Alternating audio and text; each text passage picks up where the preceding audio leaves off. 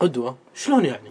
يعني الشباب الحين من يقلدون؟ من يلبسون؟ يعني من يتأثرون؟ لقد جعل الله سبحانه وتعالى النجوم أعلام هداية يهتدي بها الضالون في مجاهل البر والبحر. وهذا الاقتداء غريزة فطرية والطفل يتخذ من والديه مثلا قدوة ثم من معلمه وهكذا. لقد كان لكم في رسول الله أسوة حسنة لمن كان يرجو الله.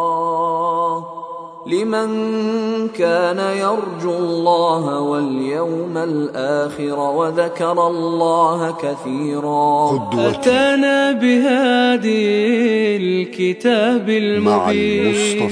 ومن أهدافه عليه الصلاة والسلام الوسيلة. أباؤه سادات الناس. حتى نكون عباد لله ونكون أقوياء بالله لابد أن نستسلم لأمر الله. ونبينا صلى الله عليه وسلم كان أعظم البشر تسليما لله ورضا بحكمه وقضائه. المصطفى. صراحة يا شباب الزواج خلاني أعرف طعم العفاف كان رسول الله صلى الله عليه وسلم أعف الناس نفسه. صلاة عليه تزيل الهموم. وتجلو النفوس من الحيرة. حمل النبي صلى الله عليه وسلم أعظم مسؤولية وأجل مهمة إنها مسؤولية الرسالة. ومع هذا كان رسولنا صلى الله عليه وسلم يتفقد أصحابه. عاش نبينا صلى الله عليه وسلم والصدق بساطه والأمانة دثاره. وزكاه ربي بخلق عظيم.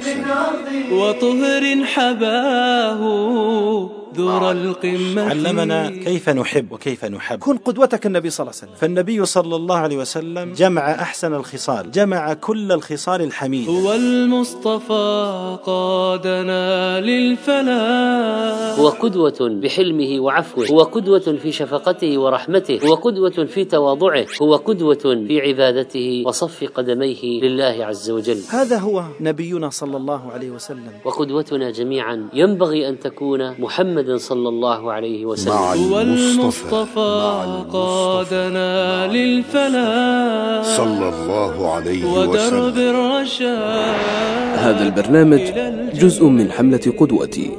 تفضلوا بزيارة موقع الحملة على الإنترنت.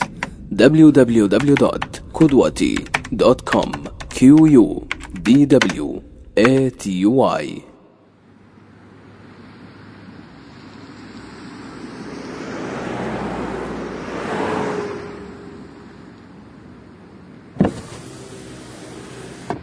السلام عليكم.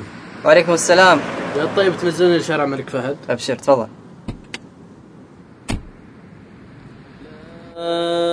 أقسم بهذا البلد وأنت حل وشو هذا؟ وين؟ يا شيخ لا تلتفت أكلمك اللي في المسجل هذا. هذا الشيخ المعقلي. طيب وش قاعد يسوي؟ يقرأ قرآن يا حو. يا أخي أدري أدري إنه قاعد يقرأ لكن يا عمي شايف اني مطوع أنا عشان تحط لي قرآن. لا. شكلك ما انت مطوع طيب بقول لك شوف شوف أنا عندي شريط. خذ خلنا نسمع الشريط هذا. وش ذا الشريط؟ هذا يا طويل العمر الطراب على أصوله. اسمع اسمع بالله اسمع. شيء يرد الروح. بس بس بس, بس. الله يهديك. يرد الروح؟ لا حول ولا قوة إلا بالله. شيخ اصبر شوي علينا صبرك علينا شوي. الحمد لله ترى أنا ما سوينا شيء. ما سويت شيء؟ تدري الأذن تزني؟ واذنها سماع الأغاني؟ هذا تراه غ- غناء عادي ما في شيء. يا أخوي الاغاني معاصي والمعاصي شيء مو عادي. يا حبيبي تراها إذني. إذني وبكيفي إذنك؟ وش فائدة الإذن؟ لولا نعمة السمع. ابن حلال الحمد لله الحمد لله ألف مرة. يا أخي والله أنا ما قصدنا أن نعصي لكن إيش تبينا نسمع؟ اسمع القرآن اسمع آيات الله. الله يخليك. أنا يا شيخ يوم أسمع القرآن أحس إني في جنازة وأنا الحين متوتر وأبي أنسى كل شيء. آيات القرآن تشرح الصدر. حبيبي تبيني أكذب عليك أنا صدري ما ينشرح. استغفر الله. هذا اللي فيك سبب بعد عن ربك. وادمانك على سماع الأغاني. الحين صار إني أسمع الأغاني هو هو السبب. أكيد. الأغاني تفسد القلب. يا أخي لا تظن إني كافر. تراني أنا أصوم وأصلي. لكن والله الشيطان شاطر. الحمد لله على نعمة الإسلام والإيمان. أعوذ بالله من الشيطان. أنا قلت يا أخي أسمع الأغاني عشان أقضي وقت. تقضي وقت؟ الوقت اللي تقضيه في سماع الأغاني. هو نفس الوقت اللي تقضيه في سماع القرآن. لكن لا تحرم نفسك اجر القرآن. والله صدقت يا عم. الله يبارك فيك. خلنا خلنا نسمع القرآن. أنت أخي الكريم وأختي الكريمة إذا تأملنا جميع المعجزات الموجودة في هذا الكون ستجد أن أغلبها اندثر وذهب. لكن هناك معجزة خالدة باقية وهي معجزة القرآن الكريم. هذه القدوة الحية الموجودة بين أيدينا وموجودة في طيات هذا المصحف الكريم. لكنها تبقى حبيسة الآيات وحبيسة الصحف. إذا لم نخرجها وتكون لنا في حياتنا نبراس ونهتدي يجب علينا أن نستنطق الآيات فالنور والهدى كله في هذا الكتاب. نحن إذا أردنا الفلاح والنجاح فلنأخذه من كتاب الله. وعندما قصرت الأمة الإسلامية وجعلت هذا القرآن مهجورا ضاعت وظلت. والآن استشرفت فيها الخلافات ودب فيها الضعف وانشقت الصفوف. والله لو رجعنا إلى كتاب الله سبحانه وتعالى لوجدنا فيه الصلاح والإصلاح لهذا الواقع المرير الذي تعيشه الأمة. يقول المولى سبحانه وتعالى إن هذا القرآن يهدي للتي هي أقوم. أقوم في أي شيء؟ أقوم في كل شيء. أقوم في من جهة العبودية أقوم من جهة الأمانة أقوم من الجهة الاقتصادية أقوم من الجهة السياسية أقوم للآباء للأمهات للقادة للعسكريين للمدرسين للمربين. داوما هذا القرآن يقوم حياة الناس.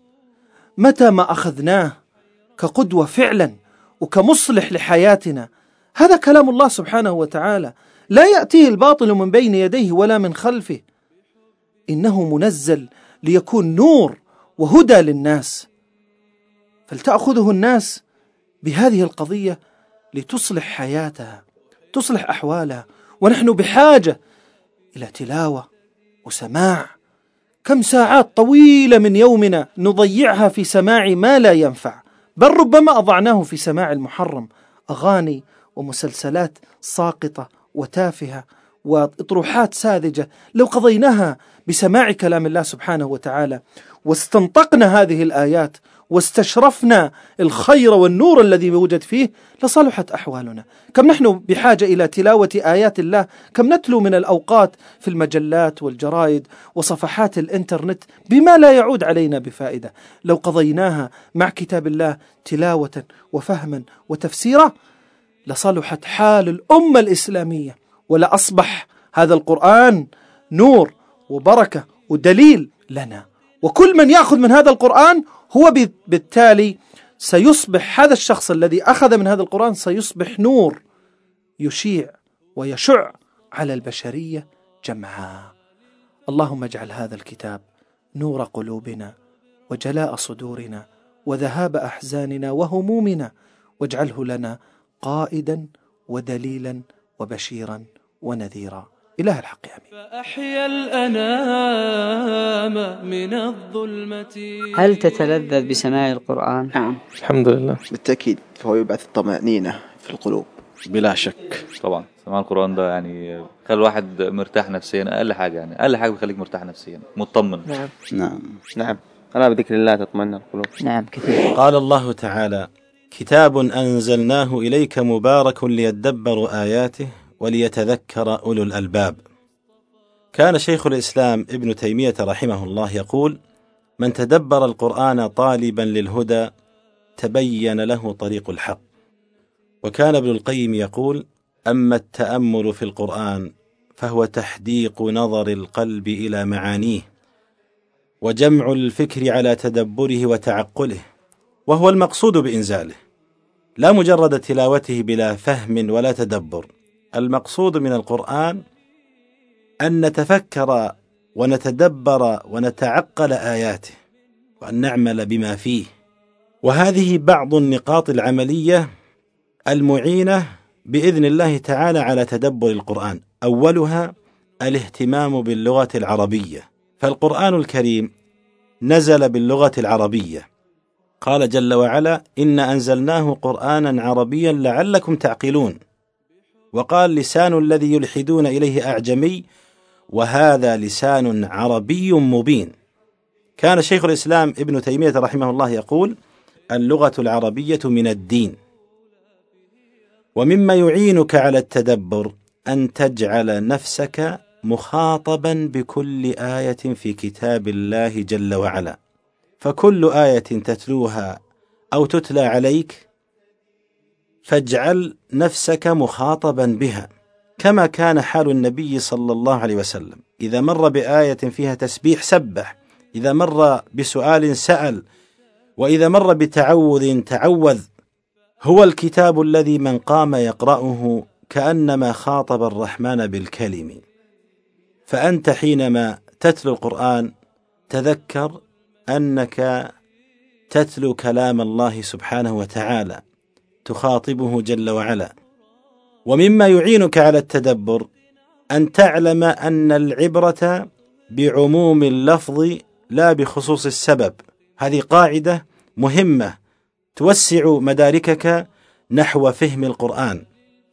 فإذا نزلت آيات في المنافقين في عهد النبي صلى الله عليه وسلم في عبد الله بن أبي أو غيره فإنك تقيسها على كل منافق اتصف بهذه الصفات في كل زمان ومكان. وهكذا. ومما يعين على التدبر قراءة تفسير القرآن الكريم والاهتمام بالصحيح مما جاء في التفسير من الأحاديث والآثار ونحو ذلك. أحب إلي من العالمين وأهلي وما هذا البرنامج جزء من حملة قدوتي. تفضلوا بزيارة موقع الحملة على الإنترنت. www.kudwati.com q u d w a t y. روى أبو داود الترمذي عن العرباض بن سارية رضي الله عنه قال وعظنا رسول الله صلى الله عليه وسلم موعظة بليغة وجلت منها القلوب وذرفت منها العيون فقلنا يا رسول الله كأنها موعظة مودع فأوصنا. فقال صلى الله عليه وسلم انظروا إلى هذه الكلمات. البليغة من الصادق المصدوق لم يخطب فيهم ساعات ولم يخطب فيهم أيام ولم يخرج دستور إنما هي كلمات وعبارات موعظة بليغة. خشعت لها القلوب وذرفت منها العيون وتأثر الصحابة بهذه الكلمات فأجهجت هذه الكلمات وحركت في دواخلهم عبارات فقالوا للنبي صلى الله عليه وسلم يا رسول الله والله كأن هذه الموعظة هي موعظة مودع لذلك أوصنا وصية نبلغ بها من خلفنا. فقال صلى الله عليه وسلم أوصيكم بتقوى الله والسمع والطاعة وإن تأمر عليكم عبد حبشي وإنه من يعش منكم فسيرى اختلافا كثيرا فعليكم بسنتي وسنة الخلفاء الراشدين المهديين عضوا عليها بالنوادج وإياكم ومحدثات الأمور فإن كل بدعة ضلالة. هو المصطفى قادنا للفلاح. وروى الترمذي أيضا عن ابن عمر رضي الله تعالى عنه قال خطبنا عمر بالجابية فقال يا أيها الناس إني قمت فيكم كمقام رسول الله صلى الله عليه وسلم فينا. فقال أوصيكم بأصحابي ثم الذين يلونهم ثم الذين يلونهم. وروى البخاري أن رسول الله صلى الله عليه وسلم قال أوصيكم بالأنصار فإنهم كرشي وعيبتي. وقد قضوا الذي عليهم وبقي الذي لهم فاقبلوا من محسنهم وتجاوزوا عن مسيئهم. وروى الحاكم عن عبد الرحمن بن عوف رضي الله عنه قال افتتح رسول الله صلى الله عليه وسلم مكة ثم انصرف إلى الطائف فحاصرهم ثمانية أو سبعة ثم أوغل غدوة أو روحة ثم نزل ثم هجر ثم قال أيها الناس إني لكم فرط وإني أوصيكم خيرا وإني أوصيكم خيرا. وطهر حباه ذر القمة. وعن أبي هريرة رضي الله عنه قال قال رسول الله صلى الله عليه وسلم استوصوا بالنساء خيرا. متفق عليه. بل أخرج الإمام أحمد والبيهقي في شعب الإيمان. عن أنس رضي الله تعالى عنه قال كانت عامة وصية رسول الله صلى الله عليه وسلم حين حضره الموت. الصلاة وما ملكت أيمانكم حتى جعل يغرغرها في صدره وما يفيض بها لسانه. فأحيا الأنام من الظلمة. يا لها من وصايا. والله لو عددنا وصايا النبي صلى الله عليه وسلم لما وسع المقام ولطال بنا المقام من وصاياه صلى الله عليه وسلم فلقد كانت وصاياه نورا ومشكاة يستقى منها في ظلمات هذه الحياة التي كثرت فيها الفتن. فوالله وتالله وبالله لن يصلح آخر هذه الأمة إلا بما صلح به أولها وليس أعظم من ذلك الاقتداء بالنبي صلى الله عليه وسلم. هو المصطفى قادنا للفلاح ودرب الرشاد إلى الجنة. هذا البرنامج جزء من حملة قدوتي. تفضلوا بزيارة موقع الحملة على الإنترنت www.kudwati.com q u d w a t y. كنتم مع برنامج مع المصطفى. أحب إلي من العالمين وأهلي ومالي ومن مهجتي. كان معكم من الإعداد. محمد عبد الحليم بعاج ومن التقديم فضيلة الشيخ عبد الله الحميد فضيلة الشيخ عبد الله الزهراني فضيلة الشيخ عبد الله الحربي. فضيلة الشيخ أبو زيد مكي فضيلة الشيخ عادل الجهني فضيلة الشيخ محمد صالح المنجد الأستاذ حمزة الزبيدي. الهندسة الصوتية. وائل ناجي زايد الحميري. الرؤية الفنية والإخراج. أحمد نور. تم هذا العمل في استوديوهات مجموعة زاد للإعلام. من الحيرة يحن الفؤاد. بحب إمام الورى قدوتي. بحب إمام الورى صلى الله عليه وسلم. تم تنزيل هذه المادة من موقع نداء الإسلام www.islam-call.com